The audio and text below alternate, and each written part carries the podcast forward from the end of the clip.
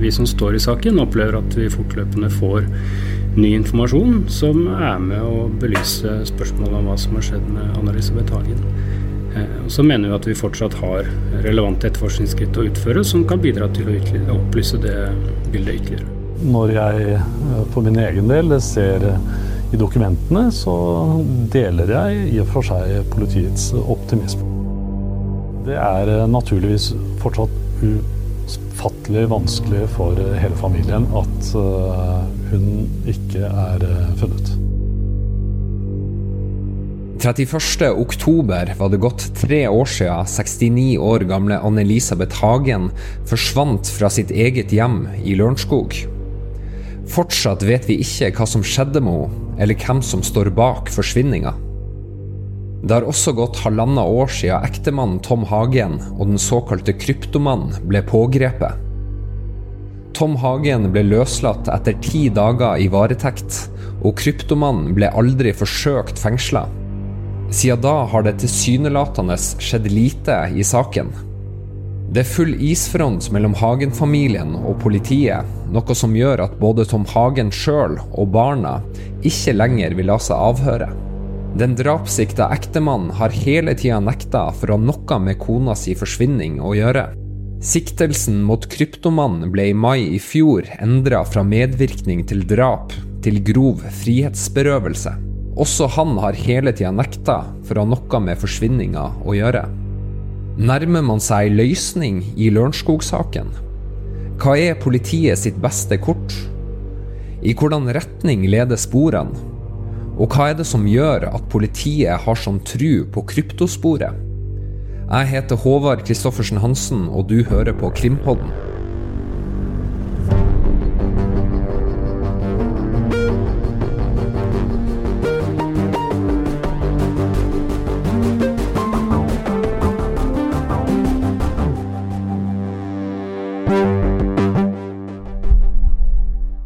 Ok, krimkommentator Øystein Mille, du eh, er som vanlig med meg her i studio.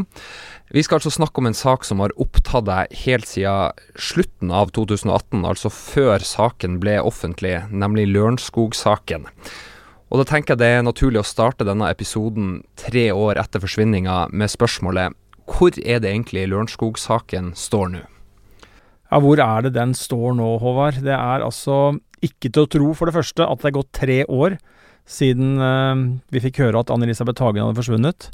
Um, hvis noen har sagt at uh, vi skal sitte her tre år senere og vite like lite som vi vet nå, så tror jeg kanskje noen hver hadde mista motet litt. Men um, det er litt uh, Hva skal jeg si? Svaret mitt er litt, litt for så vidt kjedelig, fordi at jeg har sagt det en stund, og jeg står fast på det, at denne saken den kan fortsatt bli løst. Eh, jeg registrerer at politiet er optimistiske. Jeg registrerer at eh, det jobbes med store ressurser, eh, og at man formulerer seg om at man stadig får ny informasjon som bidrar til å belyse det totale bildet, eller hva man bruker som formuleringer. Så, så jeg er ikke blant dem som sitter og raljerer over at politiet ikke skjønner noen ting, og dette kommer aldri til å gå, osv. Det, det kan godt hende man ikke lykkes, for det, sånn er det jo, og det kan godt hende at dette viser seg å være vanskelig, men men jeg, jeg, tror denne saken nå står i en situasjon hvor man uh, har fremgang, og at man ser at det kan være mulig å løse saken, og at det er spor uh, som faller på plass, og at uh, framdriften er, er, til stede. Mm. Og det er jo mellom 20 og 30 etterforskere som jobber med denne saken nå. Eh, og du har jo tatt en prat med politiinspektør Gjermund Hansen i Øst politidistrikt. Eh, vi skal da høre på det intervjuet nå. Nå har det jo i praksis gått tre år siden Anne-Elisabeth Hagen forsvant. Og for mange så fremstår det som saken står eh, ja, ganske så på stedet hvil. I hvert fall gjort det den siste halvannet året siden disse to pågripelsene skjedde. Hva vil du si til dem som uh, syns at dette går sakte, og spør seg om det kommer til å føre frem? Der må man nok skille litt på de som er inne i saken, og de som, som ser den utenfra. Vi som står i saken, opplever at vi fortløpende får ny informasjon som er med å belyse spørsmålet om hva som har skjedd med Anna-Elisabeth Hagen. Eh, og så mener vi at vi fortsatt har relevante etterforskningsskritt å utføre som kan bidra til å opplyse det bildet ytterligere. Mange spør seg jo hvor lenge kan politiet holde på? Det er en fortløpende vurdering ut fra eh, tilgjengelige ressurser, selvfølgelig. Politiet har mange viktige oppgaver, mange viktige saker som også fortjener ressurser og oppmerksomhet. Men vi mener at dette fortsatt er en eh, høyt prioritert sak, og at det er viktig at politiet gjør det vi kan eh, også i denne saken. Kan dere holde på så lenge at vi sitter her om ett år og snakker om at det har vært fire år siden det skjedde? Det vil tiden vise hvor lang tid uh, ting vil ta. Jeg tror vi må ta med oss i den sammenhengen her at dette er en sak med en relativt lang planleggingsfase. Det er også en sak som har hatt flere faser underveis. Vi starta jo med at det var en kidnappingssak, hovedhypotese om kidnapping med ukjente gjerningsmenn. Så har den senere gått over i en fase hvor vi har hatt drap som hovedhypotese. Og også en etterfølgende fase her med kommunikasjon med, med en angivelig motpart. sånn at eh, det er mange grunner til at denne saken er, er blitt omfattende. Etter å ha hørt gjennom dette intervjuet nå, Øystein, eh, hvordan tolker du det her? Inntrykket er jo at eh, man er optimistiske, og at man eh, forstår at det er mange som lurer på hvorfor det tar så lang tid, og det forstår at det er en del støy fra utsida, men så sier jo Hansen noe om at Eh, vi som er inne i saken, vi ser det annerledes. Og det syns jeg jo er en eh, ja, Hva betyr det? Nei, Jeg klarer jo ikke tolke det på en annen måte enn at dette er tegn på at politiet har trua. At de uh, har noe å gå etter, og at uh, man sitter med så mye informasjon og kanskje da konkrete spor.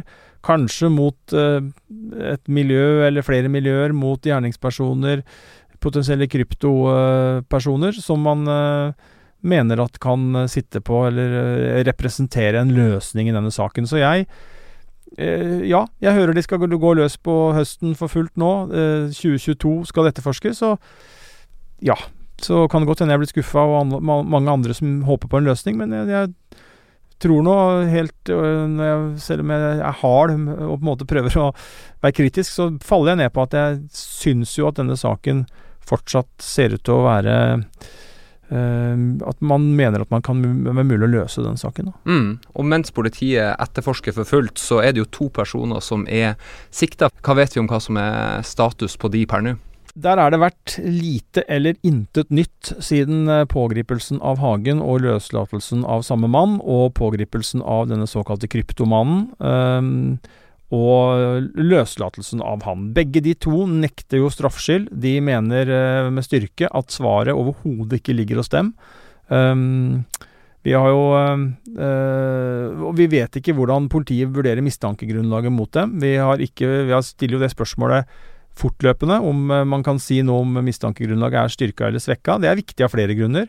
Blant annet med tanke på dersom det skulle være sånn at man har en lavere mistankegrad mot en eller begge, så er det viktig å få frem det, for de lever jo med, øh, ja, med denne mistanken hengende over seg, og det er klart at det er en belastning for begge to. Uh, og hvis det skulle vise seg at uh, en eller begge på et tidspunkt skal ut av saken, det vet vi ikke, så er det selvfølgelig viktig å på en måte opplyse folk om, om det så fort som mulig. Så uh, det er status der, dette begrepet kryptomannen. Bare så det er helt klart. Det betyr ikke at han på noen måte er knytta til at han har begått disse krypto... Eller kobles til disse kryptohandlingene i saken. Kryptomannen har han fått som et navn i mediene fordi at han kan mye om kryptovaluta. Og så er det ikke påvist noen koblinger direkte mellom han og dette kryptorigget, da, bare så det er helt klart at han at det er status.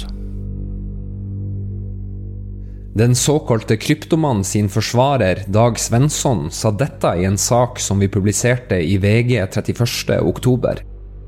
Ut fra de opplysningene jeg har i saken, har jeg problemer med å forstå grunnlaget for siktelsen mot min klient. Heller ikke han forstår grunnlaget for hvorfor de har sikta han. Han forstår at de kunne ha interesse av å høre hva han hadde å si, men de trenger ikke å sikte folk for det. Han har vært åpen og villig til å forklare seg, og det er han for så vidt ennå. Jeg er også kritisk til at de ikke har prioritert å fase min klient helt ut av saken. Tom Hagen sin forsvarer Svein Holden fortalte dette i et intervju med VGTV torsdag 28.10. Tre år har gått siden Anne-Elisabeth Hagen forsvant. Hvordan har familien det?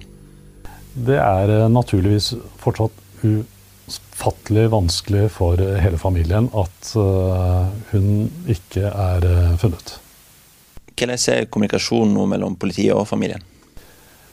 Jeg opplever at vi har god kommunikasjon med politiet på, på alle mulige vis. Tom Hagen er fortsatt sikta for drap eller medvirkning til drap. Hvordan er det for han å ha den eh, siktelsen hengende over seg i så lang tid? Det er ikke noen tvil om at uh, det er enormt krevende for han å, å være siktet for en uh, slik alvorlig handling som han fast og bestemt sier at han ikke har gjort. Hva tenker du om at det ikke er noe framgang eller endring i siktelsene som er både til, mot han og, og, han som er kjent som kryptomann? Det er vel dessverre som forventet. Det er jo uh, Normal fremgangsmåte er at uh, saken mot de to først vil uh, bli avgjort når etterforskningen avsluttes. Men det er klart vi skulle ønske oss at eh, politiet fravek eh, en slik fremgangsmåte og henla saken på et tidligere tidspunkt. Hvilke forventninger har familien til politiets arbeid nå? Forventningen er den samme eh, som har vært hele tiden. At politiet gjør det de kan for å finne ut hva som har skjedd med Anne-Elisabeth Hagen, og finne ut hvem som står bak ugjerningen. Politiet har jo fortsatt en 20-30 mann som jobber med dette, her, og, og sier iallfall sjøl at de er optimistiske med tanke på å finne en løsning i denne saken. Gjør familien seg noen tanker om den optimismen politiet formidler? Vi syns jo det er svært positivt å registrere, og det gir oss eh, et forsterket håp om at politiet vil finne en løsning. Og når jeg eh, for min egen del ser i dokumentene, så deler jeg i og for seg politiets optimisme. Ja, Du ser håp som kan føre til en eh, løsning der? Ja, jeg mener at det er eh, opplysninger som eh, gir, gir håp om at saken kan bli oppklart. I et intervju med vår kollega på VGTV, Stig Øystein Schmidt, så sa politiinspektør Gjermund Hansen dette om siktelsene mot Hagen og Kryptomannen. Det er fortsatt eh, to siktelser i saken. Hva er politiets eh, vurdering rundt de to siktelsene som er tatt ut? Ja, de er fortsatt sikta i saken, og vi gjør fortløpende vurderinger i forhold til eh, riktigheten av det og forholdsmessigheten av det, men det er ingen endring på det.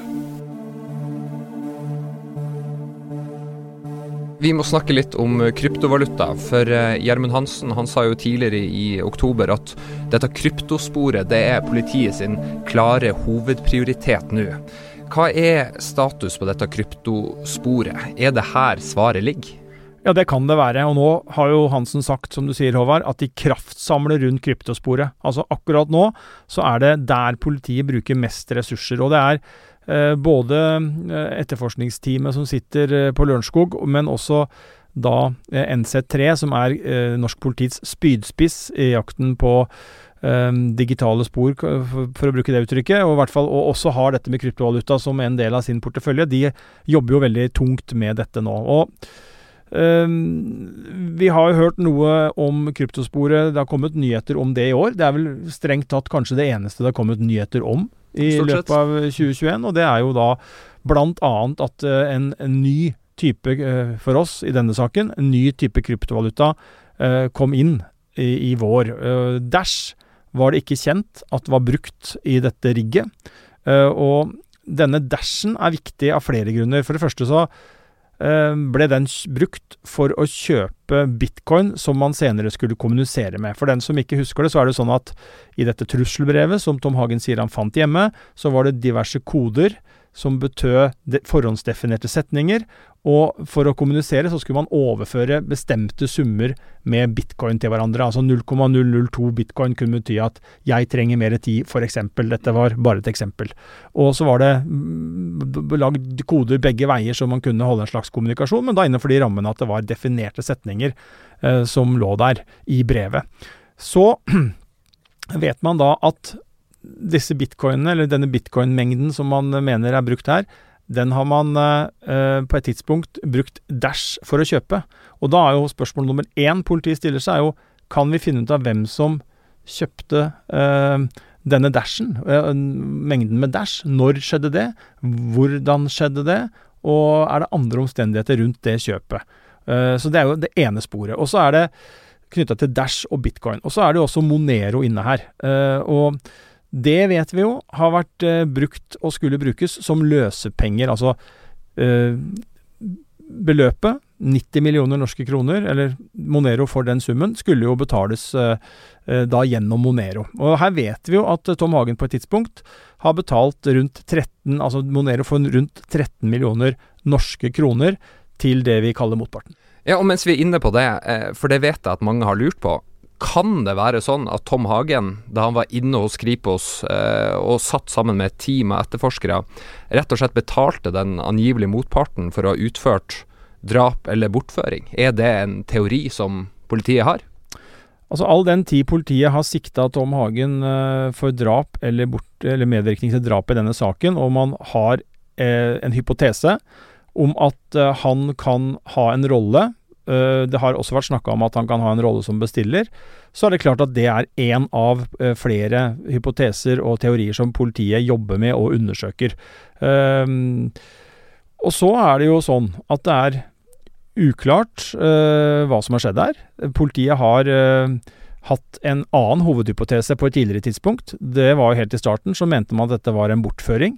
Eh, med et økonomisk motiv, og så da, sånn jeg leser det, på det tidspunktet bort fra Tom Hagen i denne saken. Uh, og så hører vi nå Gjermund Hansen, som er um, politiinspektør uh, og leder etterforskningen. Han sier at disse to hypotesene konkurrerer med hverandre. Uh, og at akkurat nå, eller per nå, så er drapshypotesen sterkest, mens bortføringshypotesen jobbes det aktivt med. Så jeg tror at svaret på det spørsmålet er at ja, det er selvfølgelig All den tid politiet har den siktelsen hengende fortsatt mot Tom Hagen, så vet vi ikke noe hvordan det mistankegrunnlaget er nå. Vi har hørt uh, ja, ingenting om det det siste halvannet året.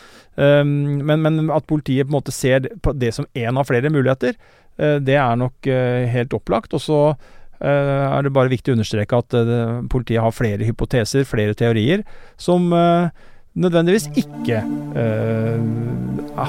involverer Tom Hagen på noe vis. Vi skal tilbake til 2018 og fire måneder før forsvinningsdagen. For da skjer det noe på nettstedet pasted.co. Det er jo mange forskjellige ingredienser, og det er jo krevende for oss som ikke kan så mye om uh, mange av de tinga her, uh, i hvert fall for min egen del, Håvard. Jeg vet ikke hvordan det er med deg, men, men, det er klart her er det mange ting som, uh, som er nytt og komplisert for en del. Det første som jo per nå vi vet skjedde, var 28.6 i 2018. Da ble Anne brukt som et passord uh, på et uh, nettsted som heter pasted.co. Det er et nettsted hvor du kan skrive og lagre dokumenter. Og dette dokumentet, det knytter politiet direkte til eh, forsvinningssaken. Men dette er jo altså fire måneder før forsvinningsdagen. Hva sier det, da? Det sier jo noe om at her er det det vært en lang planlegging. Eh, og det som jo vi skal snakke mer om om eh, noen sekunder, er jo at det skjer jo ikke bare dette sommeren 2018. Det er flere ting som skjer i løpet av en par ukers tid. Ganske mange ting som er interessant, og som jo gjør at politiet har spurt seg om det var en plan om at noe skulle skje før det faktisk skjedde. Fordi at man finner ikke noe logisk grunn for hvorfor man skal ta så mange steg så lenge, så lang tid i forveien, med mindre man uh, kanskje kunne ha en plan om at noe skulle skje på et tidligere tidspunkt. Men, men, det er klart, dette er jo en del av bakteppet her. Uh, det er helt opplagt at det er folk som har lagt mye energi, mye krefter, mye tankekraft uh, i å komme seg unna, bli usynlige, ikke kunne spores. Og det er jo noen som har Vi får jo stadig spørsmål uh, av veldig mange lyttere, og takk for det. Uh, og en del av spørsmålene har jo handla om om dette kan være en impulshandling, altså da det som har skjedd med Anne-Elisabeth Hagen. Og jeg mener jo at uh, når vi snakker om det vi gjør nå, så tenker jeg at den hypotesen tas ned ganske langt ned mot null. her har det vært en lang planlegging. Og så har jo politiet også en tanke om at det kan ha skjedd mye, eller i hvert fall en tid før 28.6 at man faktisk har begynt å planlegge. fordi at når man først går til det steget å opprette dette dokumentet og bruke Anne som et passord, så tror man ikke at det har skjedd eh, Altså man har kommet på dette i løpet av fem minutter. at det, ja, Om det er dager eller uker eller måneder forut for dette, vet man jo ikke, men det er i hvert fall en hypotese man har at det kan tyde på at det har vært en planleggingsfase enda, som strekker seg enda lenger tilbake i tid. Men dette passordet Anne, det har vi jo sett flere plasser? Ja, det stemmer, og det er jo det som er en av linkene her. Det, det dukker jo opp i dette trusselbrevet. og når man da øh, slår dette passordet inn øh, og bruker denne adressen som er oppgitt, så kommer man jo inn i dette dokumentet som da man har funnet ut har blitt oppretta 28.6 med dette passordet. Så der har man på en måte linken da, som gjør at man vet at disse hører sammen. og, og det Ehm, er jo av betydelig interesse. At man, ehm, at man eh, ser en planlegging som starter så, så lang tid i forveien. Men det skjer også noe annet sommeren 2018. En mann fra Sørlandet får nemlig frastjålet identiteten sin. Og så er det jo neste steg eh, i denne eh, Vi kan kalle det kryptorigget det er at det er jo benytta en stjålet identitet. Og det skjedde eh, altså 7.7 i 2018. Så ble identiteten til en mann fra Sørlandet brukt. Uh, det viste seg etterpå at den var uh, stjålet og solgt på det vi kaller det mørke nettet. Uh, og hypotesen i dag er jo at noen har fått tak i en kopi av passet hans, som da er brukt på det mørke nettet. Denne mannen han er sjekka grundig av politiet. Han er ikke interessant i det hele tatt? Nei, han ble jo oppsøkt ganske kort tid etterpå. Han gikk vel av et fly, og der sto det en fra Kripos og presenterte seg. Han måtte inn i et langt avhør. Men han er 110% ute av denne saken. Han har fått uh, identiteten sin misbrukt, uh, og uh, han har jo også sagt i et intervju med TV 2 at han ikke nødvendigvis tror han er tilfeldig valgt, men at han ikke har noen formening ellers om, om hvem som har brukt, misbrukt ham, og, og, hvorfor det har skjedd. Ja, for det er jo interessant. Hva mer sier han om det? Altså, noen, kan det være sånn at noen i hans omgangskrets kan være involvert, eller hvordan tolker du det? Ja, en av flere muligheter. At noen på en måte vet hvem han er og på en måte har grepet tak i det. Um, at, altså, det kan være mange forskjellige ting, da. Men han selv har jo sagt noe om dette her, og forteller jo til TV 2 at uh, det er klart, når jeg, en middelaldrende mann med historikk på bruk av kryptovaluta, misbrukes, så er det jo større sjanse for at jeg kan være utvalgt, som han bruker som uttrykk. Eh, om, man, eh, om man benyttet en eldre dame med lite IT-kunnskap, så hadde jo den teorien virka litt fjernere. Så han bygger jo dette på at han har hatt en interesse for kryptovaluta, og at eh, han sånn sett ville passe fint inn, da, hvis det sitter noen gjerningspersoner og tenker hm, er det noen her vi kan eh, få til å passe? Og mm, tenke at politiet skal bite på og tenke at eh, han faktisk har gjort det. Som i villedning, altså? Ja, så vil jo altså Hvis du hadde gått etter en bestemor som aldri har Hadde, Hadde fått tak i en stjålet identitet, en bestemor som liksom ett tastetrykk så skjønner du at hun har aldri vært i nærheten av kryptovaluta, så vil jo politiet veldig raskt forstå at oi, dette er nok en stjålet identitet. Men når du da tar tak i en som faktisk har drevet med kryptovaluta og, og vært borti det sjøl, så vil jo det fremstå som mer sannsynlig, da, på hvert fall den første sjekk, at han kan ha noe med dette å gjøre. Og så vil jo politiet bruke tid på å finne ut av det.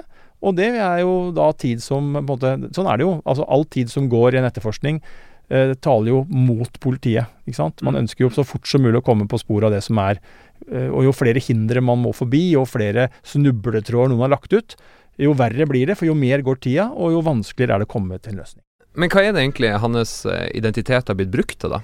Så langt vi vet, så er de brukt til i hvert fall to ting. Det er å opprette en e-postkonto hos mail.com, som jo knyttes til dette kryptorigget.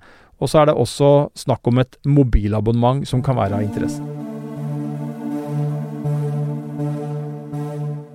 Tre såkalte vekslingsbørser blir også sentral i politiets etterforskning.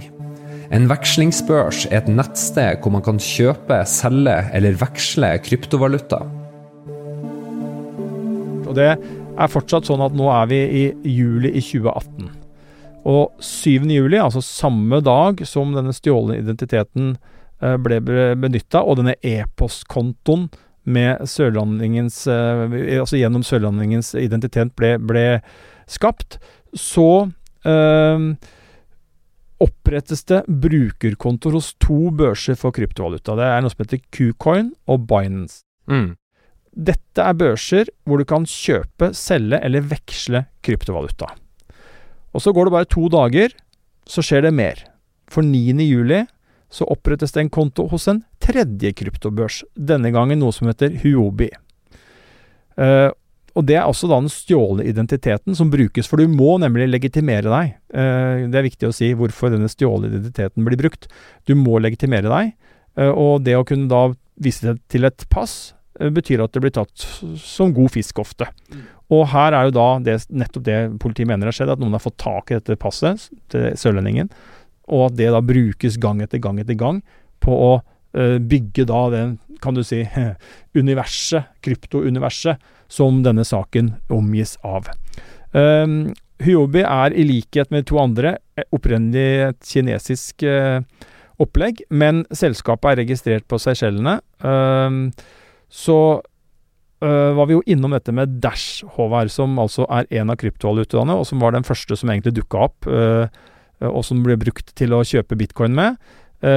Uh, 10. juli så blir en sum med Dash overført til denne Huobi-kontoen, unnskyld, som knyttes til forsvinningssaken. Uh, før igjen da, som jeg sa, Dash veksles til bitcoin seinere. Så her er det på en måte mye som skjer, da. Men i tillegg til disse vekslingsbørsene, da, så, eh, og nå må vi holde tunga rett i munnen der, kjenner jeg, eh, så har det også blitt brukt et såkalt VPN-program. Hva er grunnen til det? Det er for å skjule uh, både identitet og, og sted. Uh, altså en, en uh, VPN-bruk, da, er typisk for å prøve å gjøre det enkelt at hvis du er i utlandet, og så vil du se gullrekka på NRK, så kan du bruke en VPN, for da er du ikke blokkert, sånn som du ofte vil være, utenfor landegrensene. Nå kan det godt hende det har skjedd endringer på den fronten, men det har i hvert fall vært sånn før. Ja, men det stemmer, det. Ja da. Det har vært sånn før at du, du fikk ikke se Det er ikke alt innhold fra Norge du får se hvis du er i utlandet, men da kan du ha brukt en sånn VPN-adresse eh, eller program, sånn at du kan Lure rett og slett ja, PC-en til å si, Opplegge at du er i Norge. Uh, og, og, da går det greit. Det har ikke vært en sperre. Uh, denne saken så har man brukt uh, en av de mest kjente, noe som heter NordVPN, eh, som reklamerer med full anonymitet og har kontoer i Panama.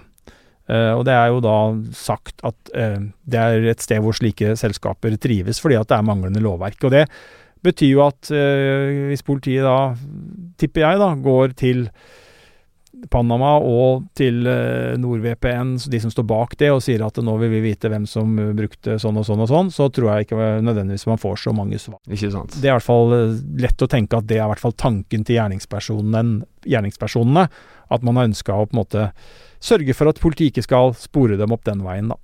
Og så er det sånn at den mail.com-kontoen som framstår som oppretta for en IP-adresse i Oslo, da, som ref det vi akkurat har sagt nå, så øh, er det da brukt en VPN-tjeneste, og da kan som sagt den være oppretta hvor som helst i verden, øh, i prinsippet. Men dette her er jo en kompleks materie, og det er jo åpenbart brukt mye tid, ressurser og, og også kompetanse eh, i dette kryptorigget. da, eh, og Det er vel sikkert mye av grunnen også til at politiet fortsatt eh, ikke har klart å oppklare denne saken, selv tre år etter eh, forsvinningsdagen. Ja, det er som jeg var inne på, det er helt opplagt at noen har lagt mye tid, tankekraft, ressurser, eh, evne og vilje i å komme seg unna her uten å bli tatt. Eh, og da er det jo Dette kryptorigget er det ene, åstedet som vi skal snakke om etterpå er det andre.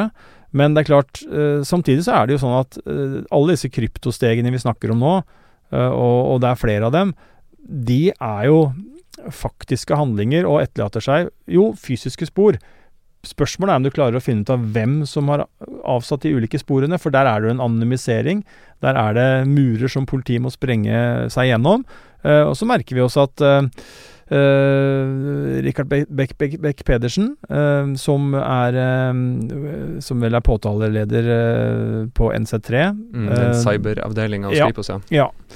Han, han, sier jo at han heller foretrekker denne type altså spor, digitale spor, digital valuta, fremfor om det er cash. Han mener det er enklere, tross alt, å spore her innenfor den digitale verden enn det er å skulle spore kontanter. Så det, er jo ikke sånn at det er Og når politiet er optimister, så er det en grunn til det. Og det er jo ikke sånn at det er eh, svart hav her. Men det er ikke tvil om at det er krevende, og det er mange steg man skal uh, prøve å avsløre. Da. Men hva tror du er grunnen til denne optimismen da, som uh, politiet er innom?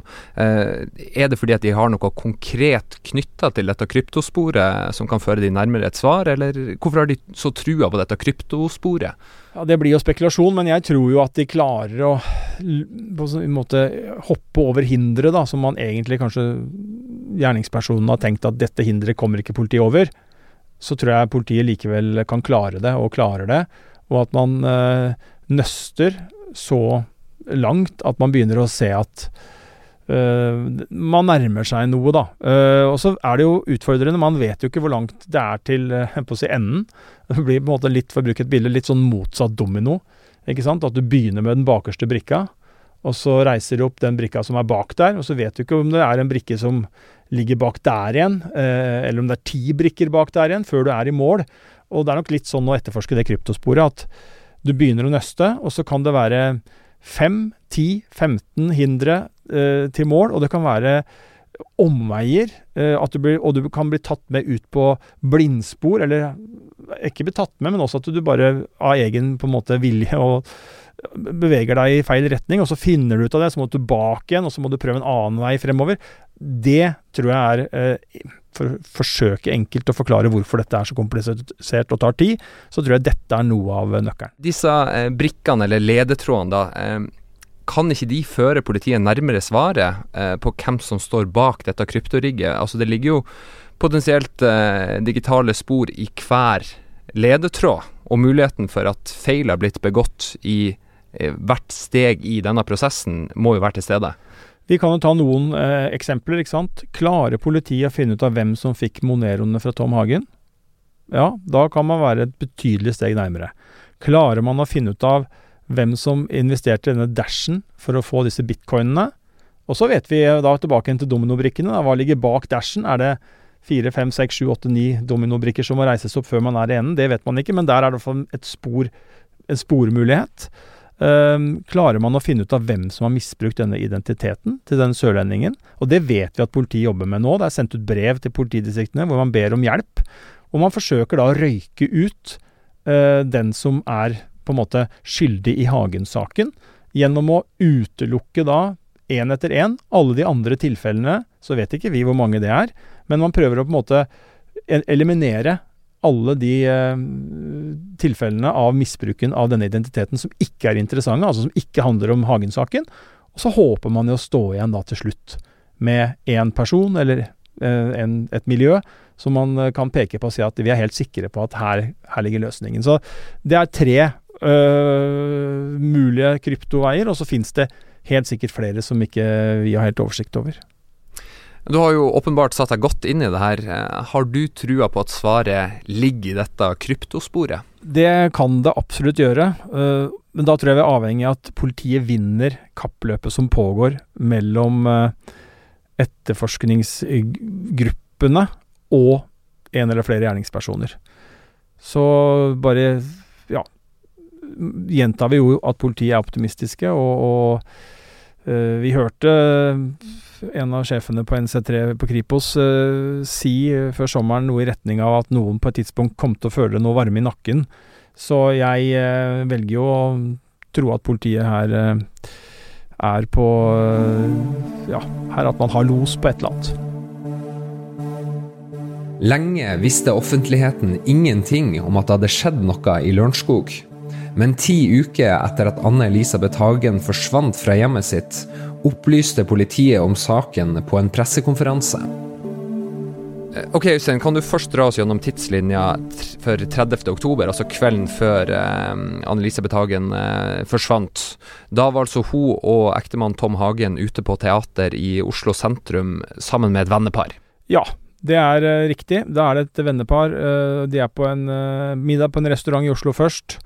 Brasser i hansken, mener jeg å huske. De går på Book of Mormon, eh, ser på den forestillingen, tar eh, drosje hjem. Eh, dette er det ikke noe tvil om overhodet.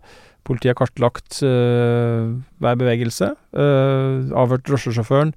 hjemme i Sloraveien 4 så har jo ekteparet fått en valp for ikke så lenge siden. og ekteparets sønn er hjemme for å passe hunden mens de er i Oslo. De kommer hjem, og eh, ikke noe unormalt verken med dette teaterbesøket, middagsbesøket eller drosjeturen. De kommer hjem, eh, betaler. De hadde vel en samtale på en times tid om, eh, om kvelden, eh, forteller Tom Hagen. Ja, og drosjesjåføren er som sagt avhørt. Vennene som var på middag er avhørt. Altså, dette er en helt vanlig kveld. Dagen etter 31.10 så våkna ekteparet litt seinere. De hadde en litt roligere morgen, siden de hadde vært ute på teater dagen før. Og også kom jo eh, dagen etter, 31.10, som jo hun da eh, forsvinner. Og da eh, har Tom Hagen forklart at de våkner litt senere. De har vært sent ute kvelden før, og han tar det litt roligere på morgenkvisten eh, enn han pleier. Og så er det jo sånn at vi vet at Anne-Elisabeth Hagens uh, telefon uh, blir brukt, og at det er en samtale fra 8.45 til 8.56 med en medarbeider i Tom Hagens eiendom. og så er det en oppringning noe over ni til et familiemedlem som det ikke blir besvart, og det kommer en tekstmelding noen minutter senere til det samme familiemedlemmet, og det handler om noen praktiske ting eh, knytta til en mulig barnevaktjobb. Og så vet vi jo da denne siste livstegnet, som politiet kaller det, eh, at eh, Anne-Elisabeth Hagens telefon er brukt til å ringe til sønnen klokka 09.14. Der er det en samtale på en par minutter mellom det som da er mor og sønn. og etter det så så blir det jo da stille. Mm, det er altså det siste sikre livstegnet, sånn som så politiet ser det. Men så er det jo da en nabo som forsøker å få tak i Anne-Elisabeth. Hva vet vi om det? Ja, det er eh, Tommy Skansen. Han er elektriker, er vokst opp i nabohuset, og han eh, skal gjøre en jobb for eh, ekteparet Hagen. Og det var sånn mellom herr og fru Hagen at Anne-Elisabeth Hagen hun foretok veldig ofte de praktiske gjøremålene som bl.a. å ha, kontakt med en elektriker. Så han ringte til henne, for han uh, skulle da sjekke om han kunne komme innom henne den dagen og se på denne jobben. Det var noen praktiske ting knytta til det. Han ringer klokka 09.48, da får han ikke svar. Så ringer ekteparets sønn tilbake igjen til moren sin klokka 09.52 Uh, han har da hatt en kort samtale 0914, men følte at han var litt avvisende, og ringer da tilbake igjen for å snakke med mora si, har han forklart. Uh, hun svarer heller ikke da. Så dette er jo Politiets hypotese er jo at noe ille har skjedd Anne-Elisabeth Hagen mellom klokka 09.16, da, som denne samtalen, som er det siste livstegnet, fant sted, og så regner man at det har skjedd noe da i løpet av den neste timen. Man syns det er veldig rart at hun ikke svarer på noen av de eh, telefonsamtalene 0948 og 0952, og heller ikke ringer tilbake igjen. Mm. For det var uh, at ikke det var, Både at hun ikke svarte og ikke ringte tilbake igjen, det var veldig ulikt uh, Anne-Elisabeth Hagen. Så det er vel noe av det som er grunnen til at politiet mener at dette er et kritisk tidsrom. Mm. Og etter dette eh, kritiske tidsrommet, da, eh, hvis vi spoler fram til litt over 1330, Da kommer jo Tom Hagen hjem, og hva er det som skjer da? Ja, bare for å da begynne med det, altså bare så alle husk, husker det. Tom Hagen han har jo da reist på jobb, og man vet at han kommer på jobb noe over klokka ni. Det har man videobilder av. Uh, dette har jo vært viktig da rundt uh, på en måte etterforskning av han som en mistenkt og sikta, så politiet har jo kartlagt dette veldig nøye. Men han kommer Det er et vanntett alibi også? Det er videobilder av at han kommer på jobb på Futurum. Uh, så det er vel så godt som du kan få det. Um, og da er jo han der. Men han begynner å ringe hjem. Uh, ja, noe over klokka ti, mener jeg den første uh, samtalen Da kommer det to samtaler, tror jeg. Ganske kjapt på hverandre. Jeg lurer på om det var 10.06, 10.07. Ta det med en liten klype salt her og nå. Men, uh, men da ringer han to ganger, og han fortsetter å ringe noen flere ganger gjennom dagen med litt ujevne mellomrom. Men han skal ha tak i kona si igjen for å avklare da en, en Kvitfjelltur. Hun svarer ikke. Han får en uro i kroppen. En tiltagende uro, har han forklart. Og han gjør som du sier, Håvard. Eh, klokka halv to, så eh, Litt før halv to så reiser han hjem eh, og kommer til Slåraveien 4. og da er hun borte. Og han går inn i huset og leter rundt, lurer på hva som har skjedd, frykter at hun er utsatt, ikke utsatt for, men har fått et hjerteinfarkt eller lignende. Men finner ikke henne, men etter hvert dette trusselbrevet, og varsler politiet da klokka 14.08. Politiet har funnet mange spor i og utafor huset i Sloraveien 4. Her er det snakk om bl.a. et bakhorn, strips, et brev, en konvolutt, flere biler, slepespor, noen sprokssko, fotavtrykk og flere biologiske spor. Kan disse sporene lede politiet nærmere et svar? Ja og nei, vil jeg si. Altså, disse sporene er jo selvfølgelig viktige hver for seg. fordi at hvis man finner ut av hvem som har uh, kjøpt dem, eller brukt, uh, brakt dem til Sloraveien, så vil man jo være kanskje allerede ved et svar, eller i hvert fall være nærmere et svar. Men disse åstedssporene tenker jeg både gir informasjon og reiser spørsmål samtidig. Vi har hørt ulike detaljer. Uh, mange av dem er jo ikke åpent bekrefta av politiet, bare så det er sagt. Uh, og noen av disse spørsmålene, tenker jeg, som reiser seg, er jo helt sentrale. Uh, og ett av dem, som jeg har tenkt mye på, er hvor ble hun angrepet?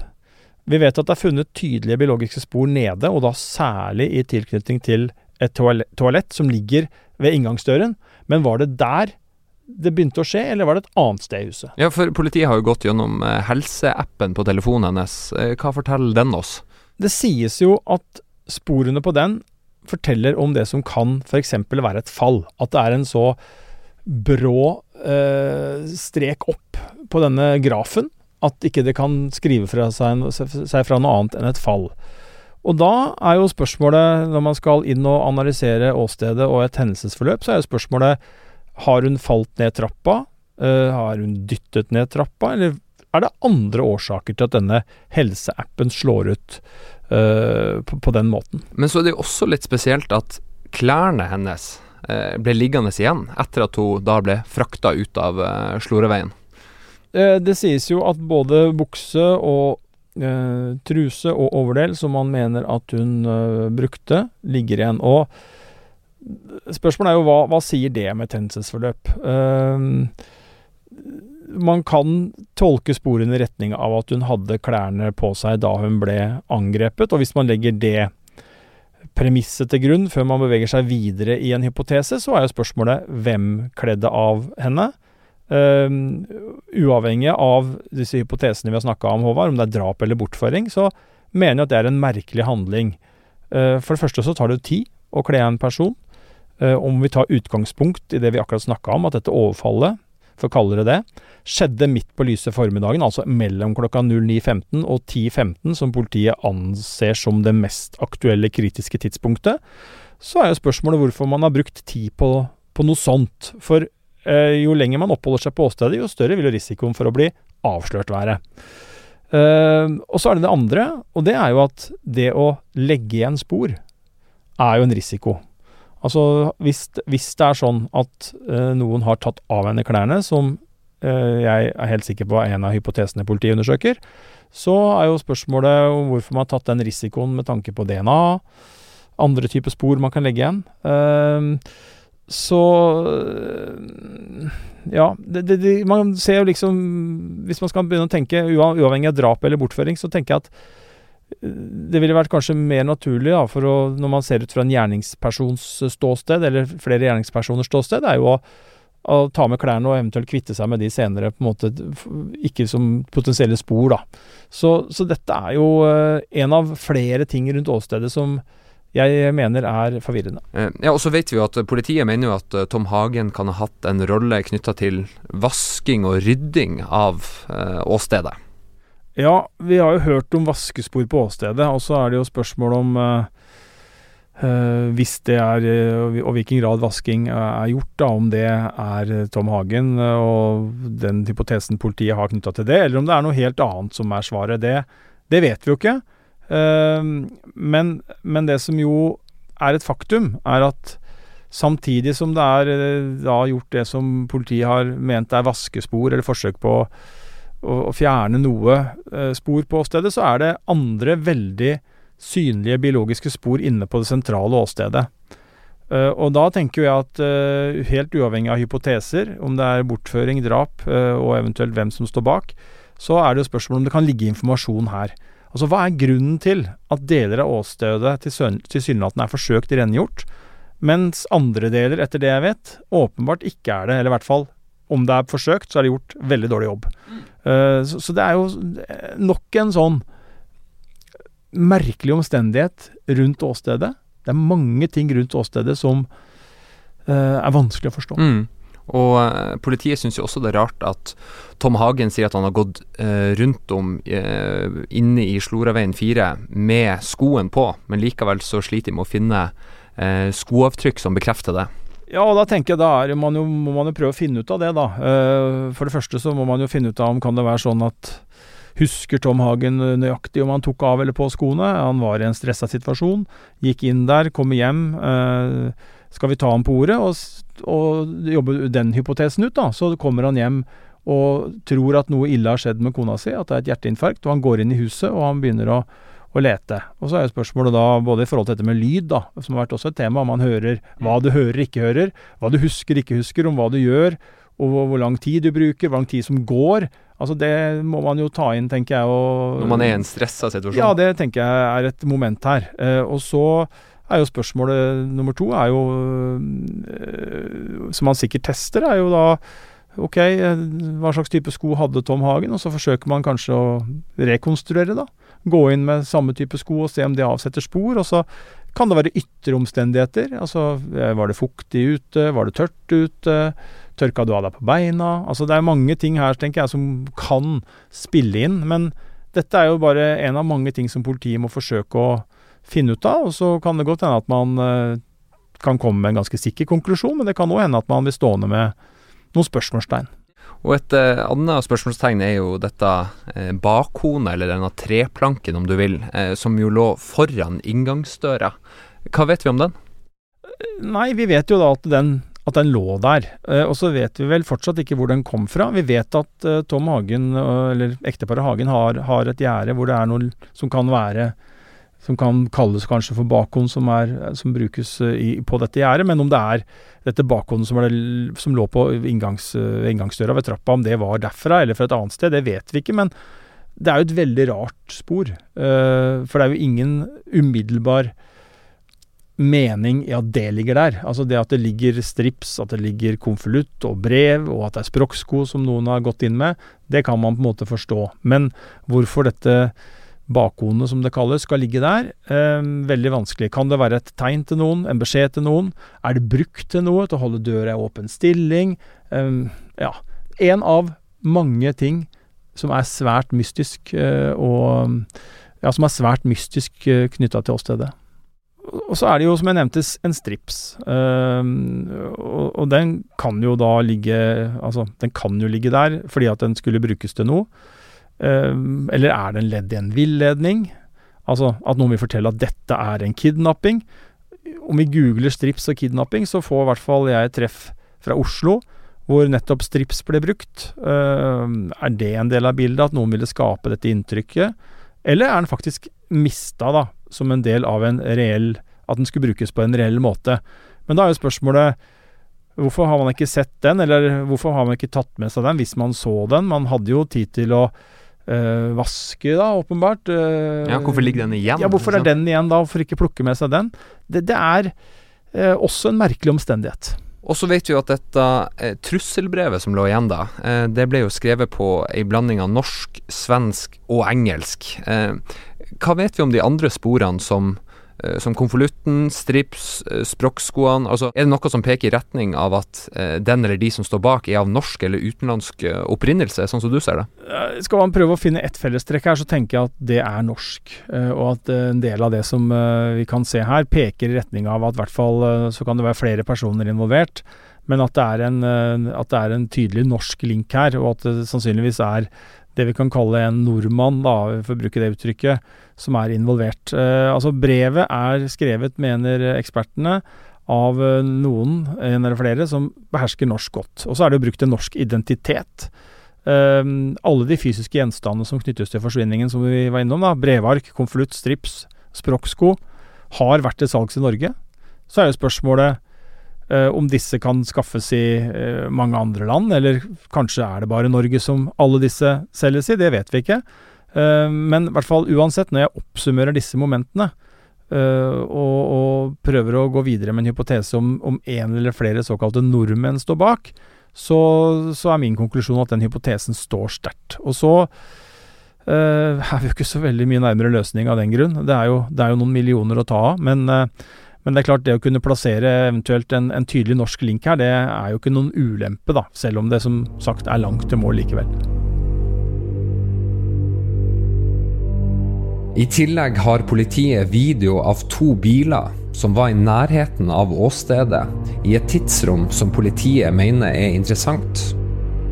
Det er jo to uh, observasjoner, eller ikke observasjoner, men to opptak av uh, biler som kjører på denne gangveien. Uh, og så skal det sies at den gangveien er jo egentlig ikke lov å kjøre på, og den er på sommeren fysisk sperra med en stein eller en blokk i enden ned mot det vi har kalt Andemateplassen, ned mot, mot Langvann, Langvannet der. Så har, den, så har, det kommet snø Eh, før eh, Anne-Elisabeth Hagen forsvant den 31.10.2018. Så den steinen er borte, og dermed så går det an å kjøre bil igjennom. Og det er betydelig kortere. Hvis du skal fra huset til ekteparet Hagen f.eks., så er det betydelig kortere å kjøre ned gangveien, eller det er jo en grusa tursvei, eh, eh, enn å kjøre rundt. Eh, så det er, en, ikke, det er ikke en ukjent problemstilling at folk tar snarveien der. Det har vi hørt flere naboer si.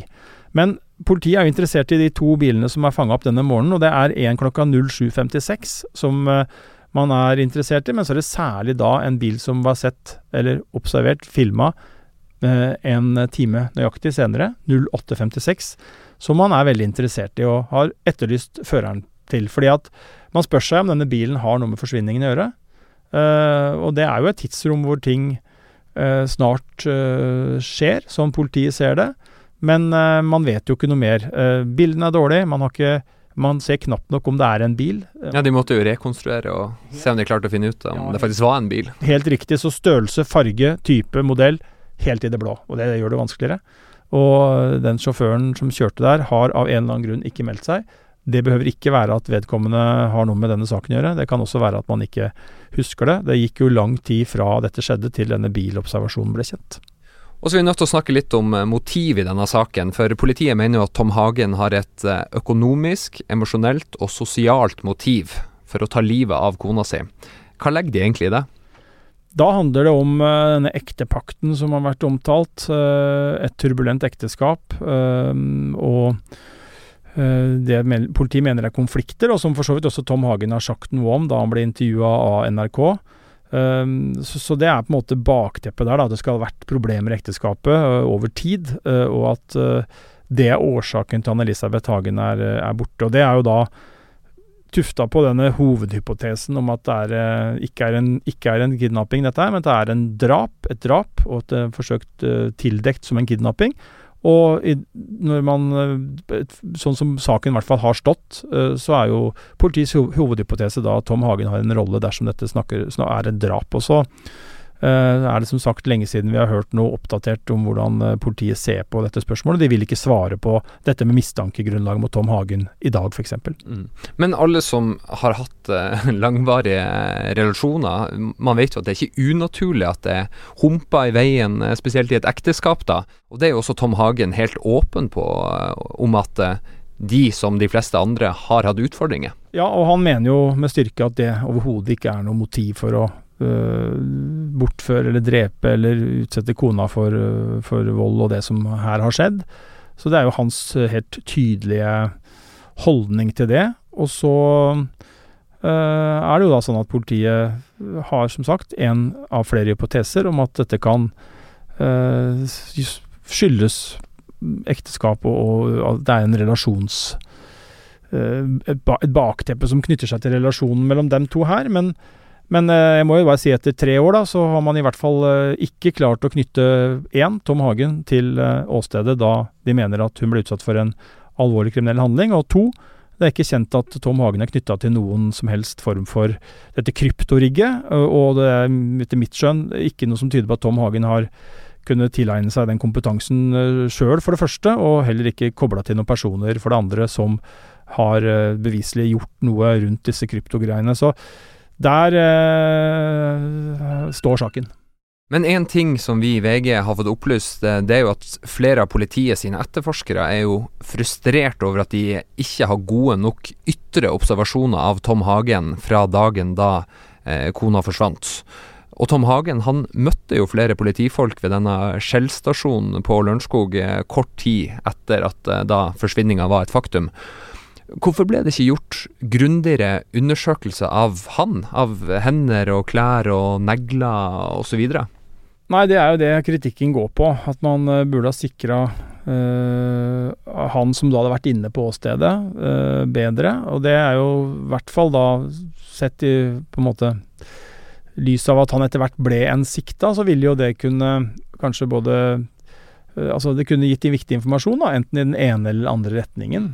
om man hadde fått sikra klær, eller spor på klær og sko og, og hender osv. på han.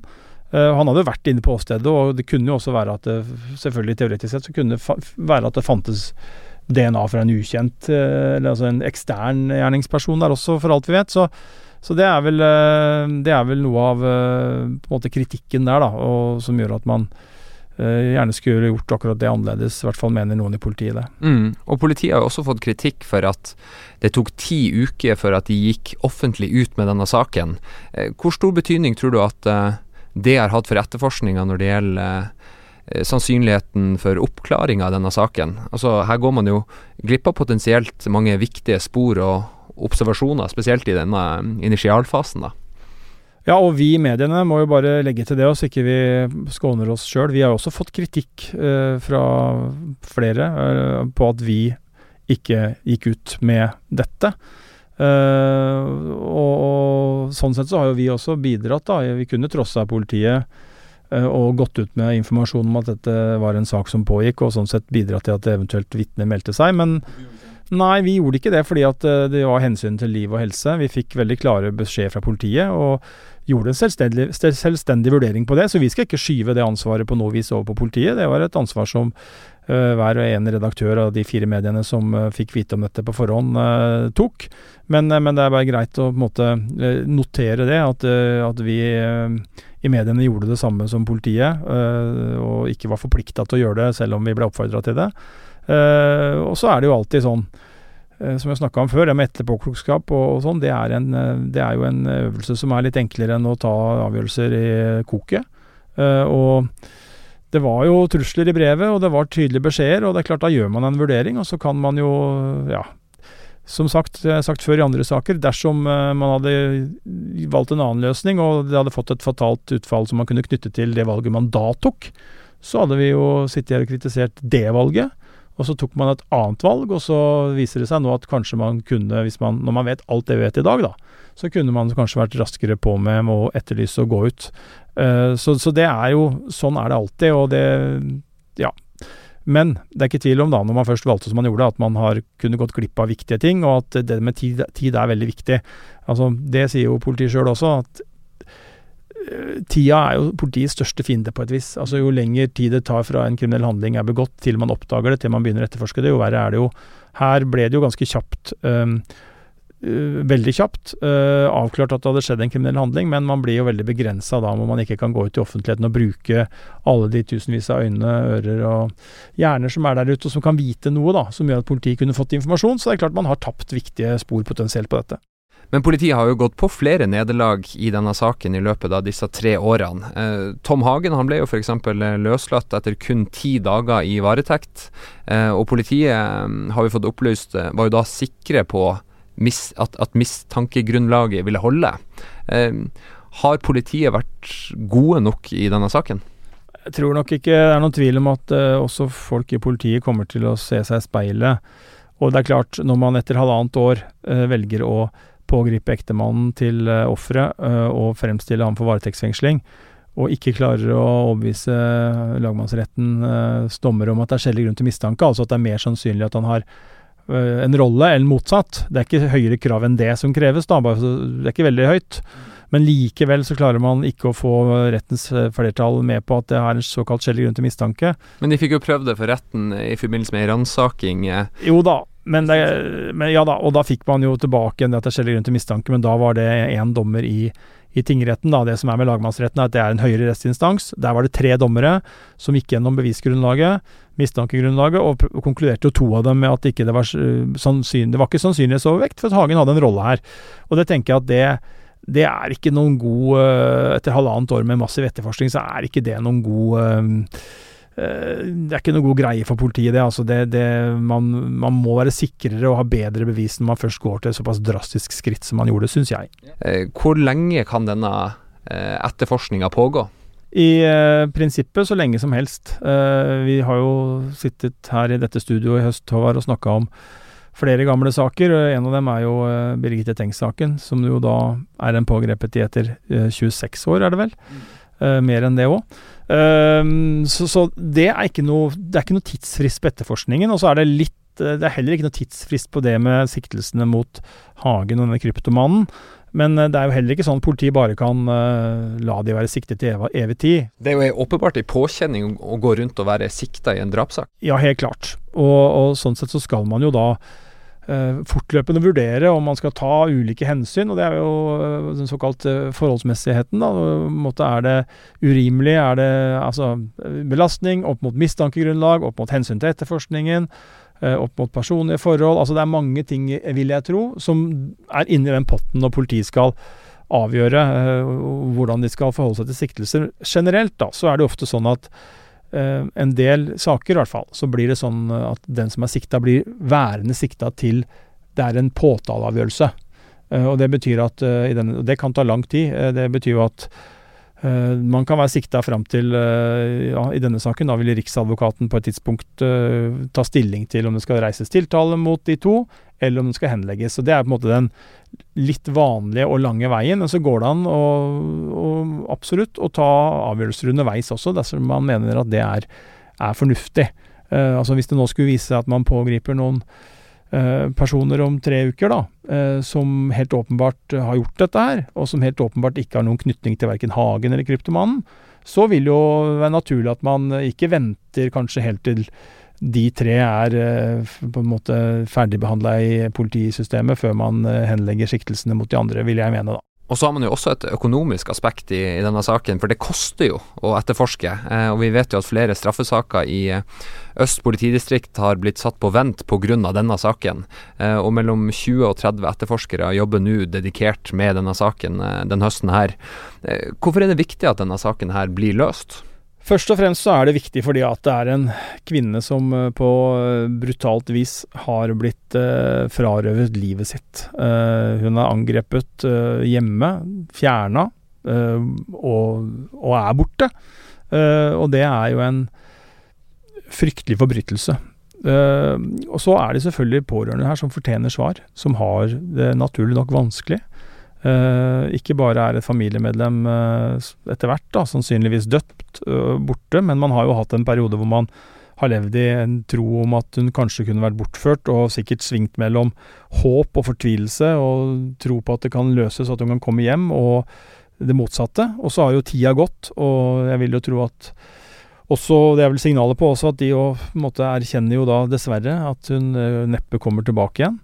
Uh, og så er det jo sånn at den eller de som har gjort det, skal stilles til ansvar. Altså her skal uh, ideelt sett noen dømmes til uh, strenge, strenge straffer for å ha begått den ugjerningen.